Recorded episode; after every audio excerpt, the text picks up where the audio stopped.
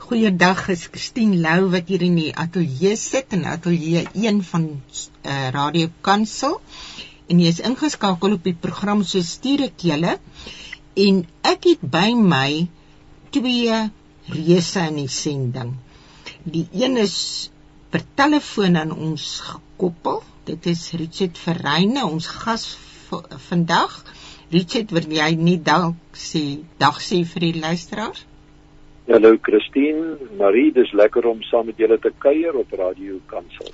Ja, nou die ander reus is my man hier langs my en hy is eintlik die leier van hierdie program, maar uh, vandag gaan ek 'n bietjie leiding neem hierso.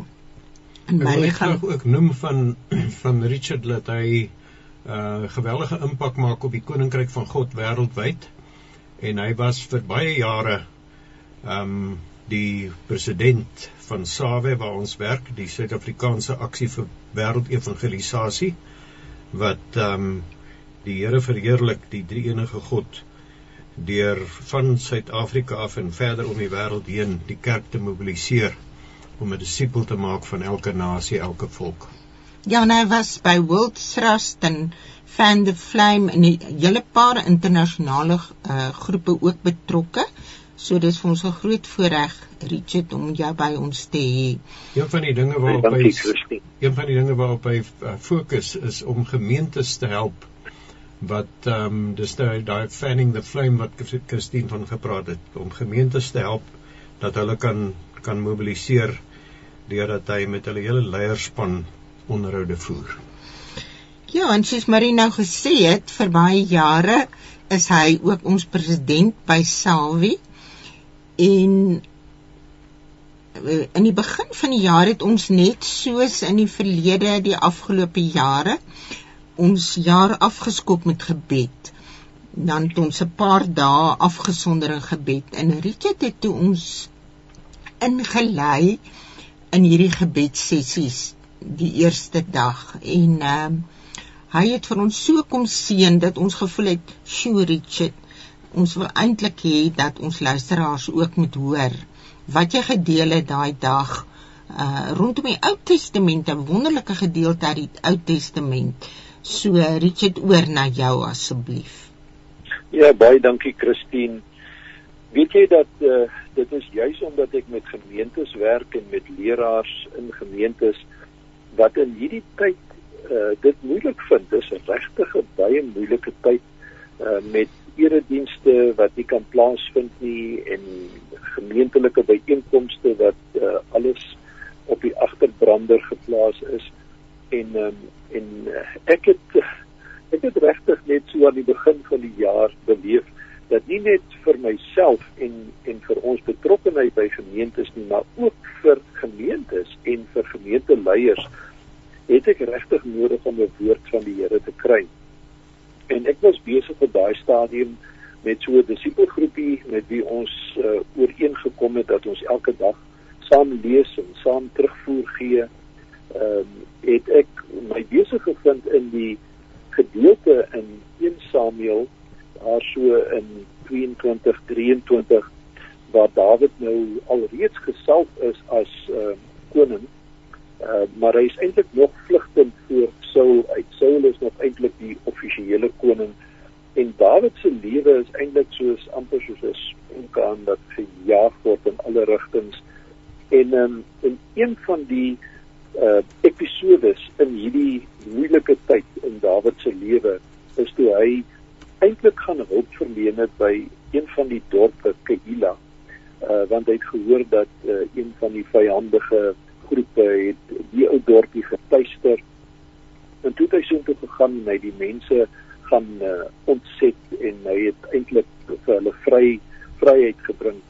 Ehm um, maar dan lees jy in 1 Samuel 23 na vanaf vers 7 hoe daar aan Saul berig gebring is dat Dawid in Keila aangekom het, het Saul gesê God het hom in my hand oorgelewer want hy het homself toegesluit deur in 'n dorp met oordeure en 'n sluitbalk in te gaan. Dit nou maar soos Saul natuurlik uh, half dink die Here is eintlik besig om Dawid in sy hand te gee wat eintlik nie die geval was nie. Daarop het Saul al die manskappe opgeroep vir die geveg om af te trek na Keila en Dawid en sy manne te beleer. Dawid het egter geweet dat Saul besig is om kwaad teen hom te beplan. Hy sê toe vir Abjatar, die priester, bring die efod nader. En die ding het my aangegryp. Ek het uh, begin bietjie meer lees een van die Afrikaanse vertalings sê bring die uh, linne skouerkleed nader. Ehm um, maar die efod ehm um, dit het vir my sommer net getrek want ek ek weet dit is eintlik deel van die priesterlike drag wat daar in Levitikus alreeds deur die Here voorgeskryf is.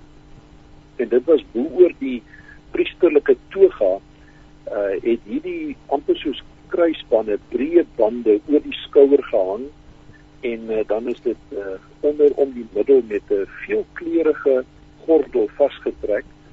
Uh, en uh, en tussen die die die voorkant van die twee kruisbande het daar 'n borstas gelê. En in die borstas was die urim en die timim. En dit was eintlik 'n baie besondere mistiese manier waarop hulle die Here geraadpleeg het. En dan om 'n ja of 'n nee antwoord te kry in 'n gegeewe situasie. So ek gaan so ietsie daaroor miskien net nou sê, maar maar dit was dis die efod en um, uh dit dit was eintlik 'n baie besondere stuk van die toerusting van die priester. Maar die interessante ding is dat toe klein Samuel uh in die tempel afgesonder is en sy ma wat hom eintlik van die Here afgebid het om teruggegee het aan die Here word daar gesê dat selfs klein Samuel as 'n seentjie het die efod gedra in Samuel 2 hmm. vers 18 en dit het later die gebruik geword dat nie net die hoë priester soos in Levitikus gesê word nie maar die priester in die algemeen het hierdie priesterlike linne skouerkleed oor die skouers gedra en um, en hier gebeur 'n ding eintlik so in 1 Samuel 23 gebeur daar 'n verskriklike ding want uh, Saul in sy bloeddorstige pogings om Dawid uh, in die hande te kry, kom hy by die dorpie Nob waar daar eh, 'n uh, klompie priesters was uh en hy vind uit dat die die priester Agimelech het vir Dawid gehelp toe Dawid begin vlug het het hy vir Dawid van die toonbrode gegee en hy het Goliat se se se swaard wat hy vir Dawid gegee het. En um, en toe besluit Saul dat hierdie klomp moet gedood word. 'n interessante stuk geskiedenis want toe hy nou sy amptenare die die soldate aansê hulle moet nou al hierdie mense doodmaak, staan daar in 1 Samuel 22 maar die amptenare van die koning wou nie 'n vinger verroer om die priesters van die Here aan te val nie. En dit het my so getref, hulle het soveel respek en en 'n waardering gehad vir die Here, uh so vrees vir die Here, goeie wyding vir die Here en ook vir die priesters van die Here dat hulle weier toe om Saul se opdrag uit te voer. Maar Saul vind toe 'n ander een ehm um, en en die een doeg die Edomit is toe bereid om sy vuil werk vir hom te doen en so word 85 van die priesters van Nob word uitgewis en uh, baie van die vroue en kinders in die dorpie, die hele dorpie word vernietig, maar net een van hulle vlug weg en dit is die een van wie ons nou hier gelees het, Abjatar, dit was die seun van Agimelech en hy het die linne skouerkleed met hom saamgeneem, die efod het hy met hom saamgeneem. Dit word spesifiek genoem. En dan kom dit so mooi uit in die episodes van Dawid se lewe dat in hierdie moeilike fase van sy lewe het hy dikwels hom beroep op die efod. Het hy dikwels die Here geraadpleeg deur vir Abjatar te sê bring die efod nader. Laat ons uitvind wat sê die Here vir ons. En weet jy dit het vir my soveel betekenis gekry want dis wat my my kollegas, leraars en pastore en uh, manne en vroue wat leiding neem in die gemeentes van die Here Jesus so nodig het en wat ek glo ons ook binne die bediening van Sabi waar ons so tyd van gebed en afsondering gehad het ons het nodig om die Here te raadpleeg Ons het nodig om sy rigting wysing te kry. Nou die interessant is dat interessante ding is dat eh uh, Dawid het toe die Here geraadpleeg en dan vra hy vir die Here, moet ek ehm uh, moet ek gaan ehm uh, en eh uh, moet ek wegvlug hier uit? Eh uh, sal Saul teen my optrek en sal die manne van Keila my eh uh, uitlewer aan Saul? En op elkeen van die vrae wat hy gevra het, het die Here vir hom 'n duidelike antwoord gegee. Nou dit is nou waar ek net nou genoem het van die borstas wat so tussen die die die voorbande van die efod was en daarin was die Urim en die Thummim en ons weet nie presies hoe dit gelyk het nie. Blykbaar was dit ehm um, twee, hy sê dit kan moontlik drie klippies gewees het. Ehm um, wat eintlik gebruik is om uh, om te dui wat is die wil van die Here in 'n gegeewe situasie. En daar is sommige wat meen dat dit was om byvoorbeeld 'n baie duidelike direktiewe vraag te vra en dan sou ehm um, dit op een of ander manier 'n ja antwoord gee of 'n nee antwoord gee en dan by tye 'n onseker antwoord. So daar is nie 'n ja. duidelikheid oor uh, wat moet gedoen word nie. Dit daar is geen antwoord wat van die Here afkom nie. Ons het lekker gesels en ook lekker geluister na die musiek en uh, ons praat oor Dawid wat dit so belangrik beskou het in sy lewe om God te raadpleeg.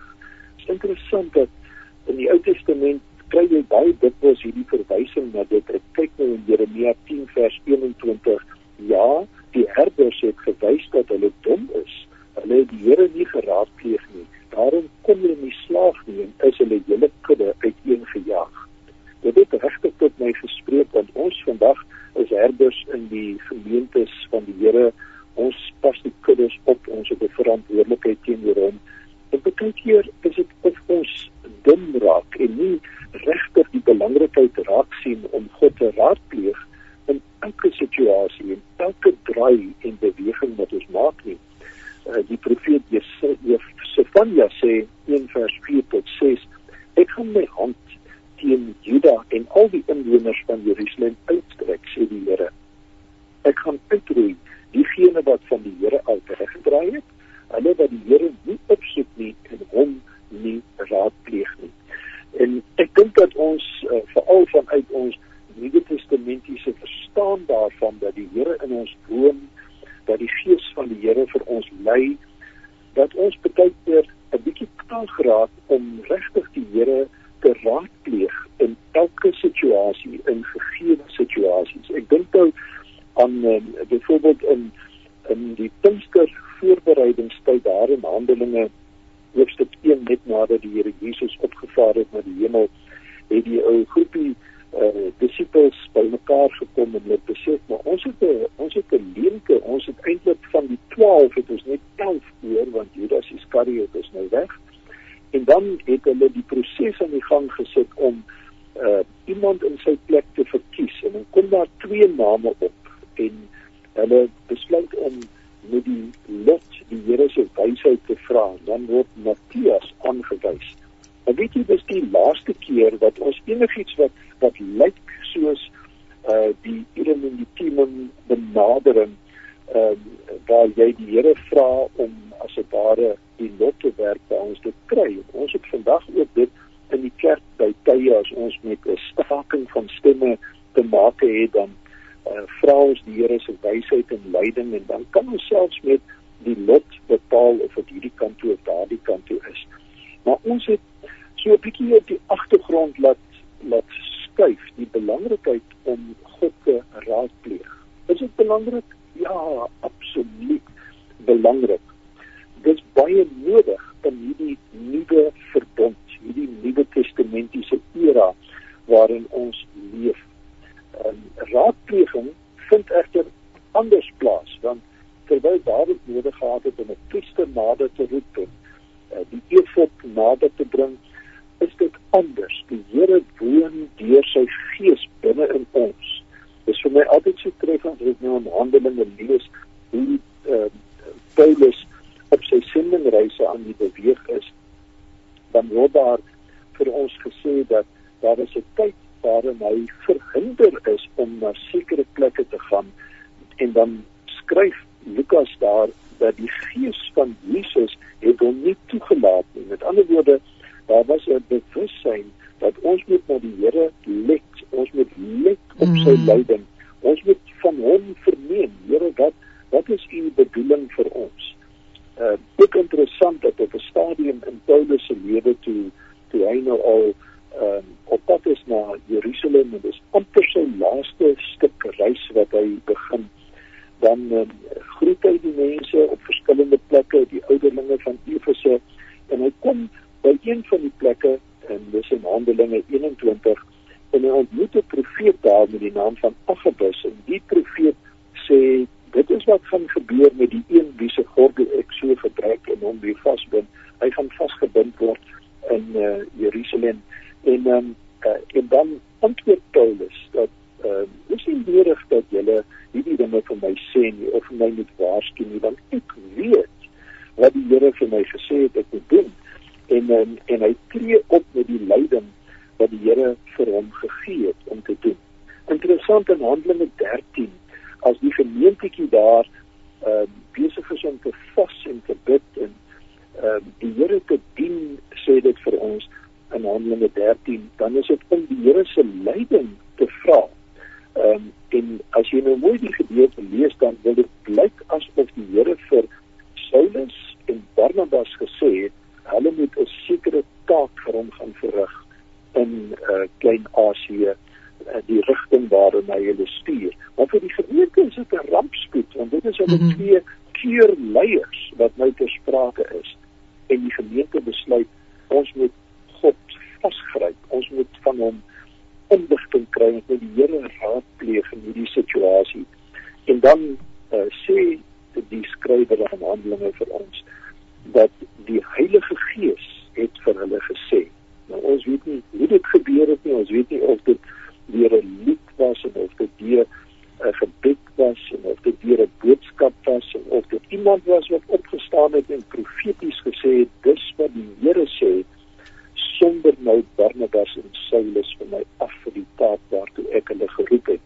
Duidelik sonder enige uh, onduidelikheid word die boodskap van die Here oorgedra. So dis ontsaglik belangrik dit vir die vroeë kerk was. En vir ons vandag wat in die laaste dae lewe, ons wat te maak het met hierdie swaar tye waarvan die apostel Paulus geskryf het vir Timoteus En ons wat leef in hierdie dae waarvan Jesus gesê het dat dit gaan moeilik wees en die liefde van baie mense gaan afkoel vanweë die druk wat rondom in die wêreld gebeur en ook die trek wat daar kom van die kant van die rykdom en die verleiding en al die goed en en, en die die liefde van mense sal uh, nie meer so eg en opreg vir mekaar wees nie. Paulus sê dat daar van 'n afwesigheid van natuurlike liefde wees. So dis die dis die tye waarin ons nou as kerk van die Here Jesus ons bevind. So as daar 'n nodigheid was vir die sewe gemeentes in Klein-Asië om die Here se uh, stem te hoor, om hom te raadpleeg, uh, om te beleef dat die Here tussen hierdie sewe gemeentes loop en dat die Here sê dit het ek nodig om vir jou te sê. Ek het dit teen julle. Ek het nodig om by julle hierdie bekering op te merk. As dit nodig is in daai tye, hoeveel te meer vir ons wat vandag ehm um, hier is 2000 jaar verder in hierdie spanningsvolle tye waarin ons ons bevind lewe.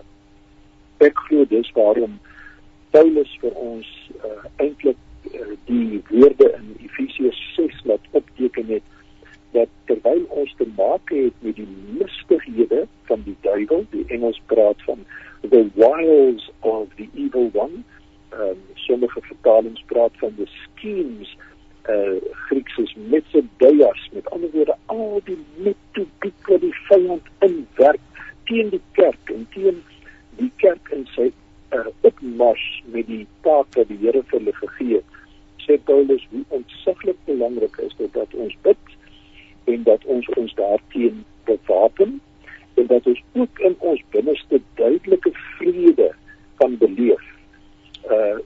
opposed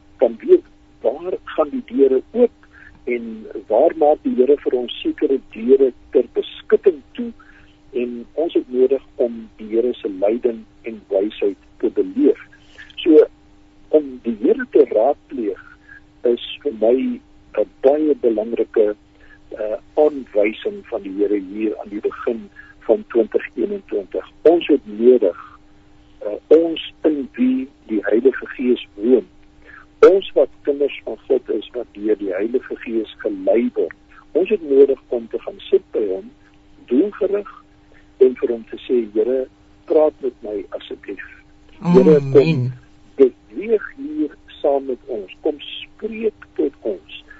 Kom maak u wil aan ons bekend. Help ons Here om u metodiek te verstaan. Dit was vir my altyd so treffend dat dat Moses kon daarvan praat dat ehm um, uh, dat God het aan Moses sy weë bekend gemaak. The ways of the Lord. Die manier waarop hy werk. Ehm um, ek weet Ons hmm. ek is verskriklik jammer. Ons tyd het ons ingehaal. Dit is so kosbaar. As jy jou sin ja. klaar maak, dan gaan ons moet sny. Ja. Nee, maar dit is goed. Ek dink dat wat ek wou gesê het en wat my hart is, het ek gesê so die toepassing is dat uh, ons regtig in tye soos hierdie draai na die Here toe ons ore buig